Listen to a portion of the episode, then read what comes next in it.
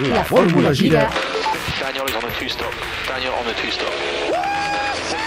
amb Oriol Rodríguez. Oh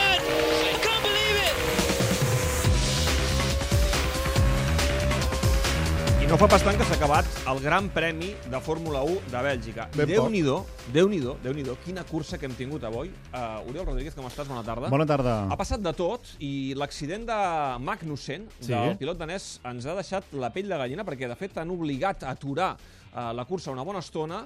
Uh, acaba guanyant Rosberg, però han passat moltíssimes coses. Mira, d'entrada es trenca Spa, un circuit tan ample, si no plou, eh, que em passen accidents com aquests, però avui ha passat.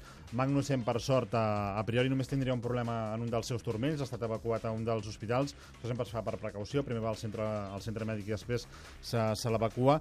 El problema per Magnussen és que la setmana que ve ja hi ha cursa una altra vegada a Itàlia, per tant veurem com evoluciona el pilot de, de Renault.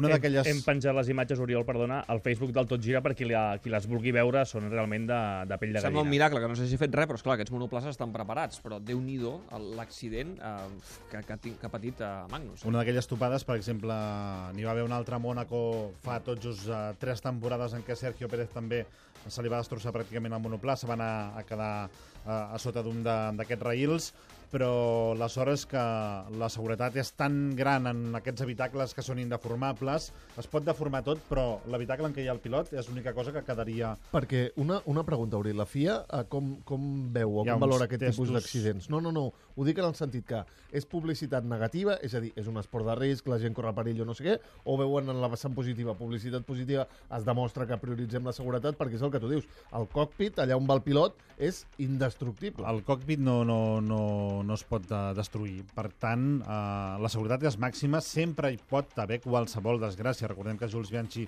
va perdre la vida tot just fa eh, dues temporades arran d'aquell accident al Gran Premi de, del Japó, amb aquella grua mal, mal col·locada. Sempre la seguretat és la màxima prioritat, però evidentment és un esport de risc, Motorsport is dangerous, això posa l'acreditació que, que et donen, i per tant la seguretat al 100% no, no es pot garantir.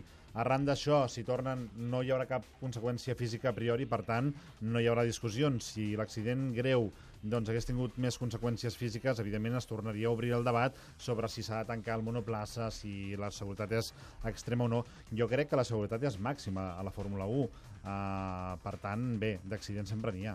L'accident de Magnussen ho ha capgirat tot, mm. ha permès, per exemple, que Hamilton pogués remuntar, ja entrava dintre dels càlculs, ha acabat finalment tercer al podi, eh, l'ha encapçalat Rosberg, que ha guanyat la cursa, Ricciardo amb Red Bull segon, Hamilton, eh, que sortia penúltim, recordem-ho, per la sanció per haver canviat de motor, ha acabat tercer.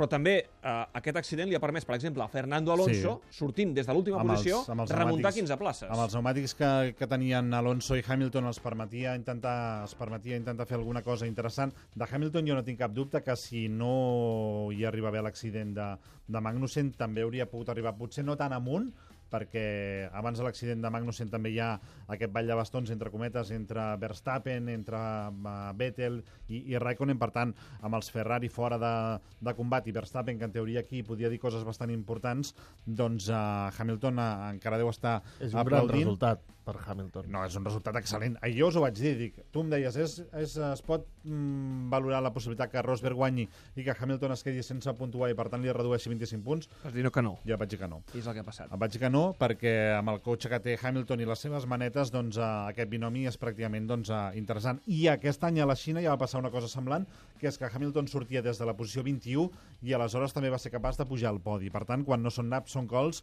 i Hamilton està en un gran estat de forma. Avui es fa Francorchamps, victòria per Rosberg, segon Ricciardo, tercer Hamilton, eh, completant aquest podi, quart Hulkenberg, cinquè Checo Pérez, sisè Vettel i setè Alonso, eh, que té mèrit perquè sortia des de l'última posició i ha pogut remuntar. Um, com queda ara mateix la general del Mundial? Retalla distàncies Sí. Rosberg, però esclar, mm, tenim una bona oportunitat Però per retallar encara més. queda bé el Mundial perquè Hamilton té 232 punts i Rosberg en té 223. Això vol dir que, per exemple, si a Itàlia un gran premi en què a priori Mercedes ha de tornar a arrasar, el circuit de Monza és el circuit on s'arriba la velocitat punta més alta, però pràcticament tots són rectes.